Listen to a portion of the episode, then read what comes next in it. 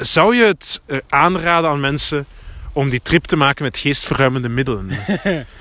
Eh, nee, eigenlijk niet, want de muziek geeft u al, al die middelen. Zonder dat je echt effectief iets tot u moet nemen. Dat is gewoon. Dat is goed, hè? dat is mooi, hè? Ja. Ja, vind ik wel. Dat is eh, een nummer wat ik er heel graag in had gestemd. Maar oké, ja. Het zal de komende jaren zijn misschien. Ehm, en hoe noemde je dat? dat? Dat is een nummer dat je jaar heeft getekend. Eh, ja, nee, gewoon een, een soort van het, het, het nummer dat het jaar samenvat. Dus veel reizen, ondanks dat je toch binnen zit. Of, Ja. of met je gedachten gaan reizen. Of ja, zelfs dromen, hardop dromen over toekomstige reizen.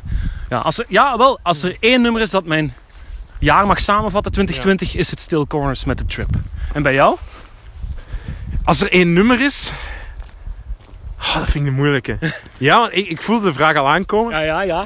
Ehm, ja, ik weet niet. Ik vind het altijd heel moeilijk. Qua teksten sowieso eh, zou ik dat niet kunnen zeggen. Want allee, je weet, ik luister niet zoveel naar teksten. Eh Kruang Bin vind ik sowieso een goeie. Ja.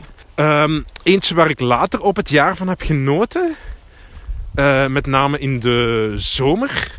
Omdat ik dat nummer veel op de radio heb gehoord op mijn korte vakantie binnen Europa. Volgende de maatregelen en zo verder. Ehm, was, en gaat, ik weet niet of je akkoord gaat zijn.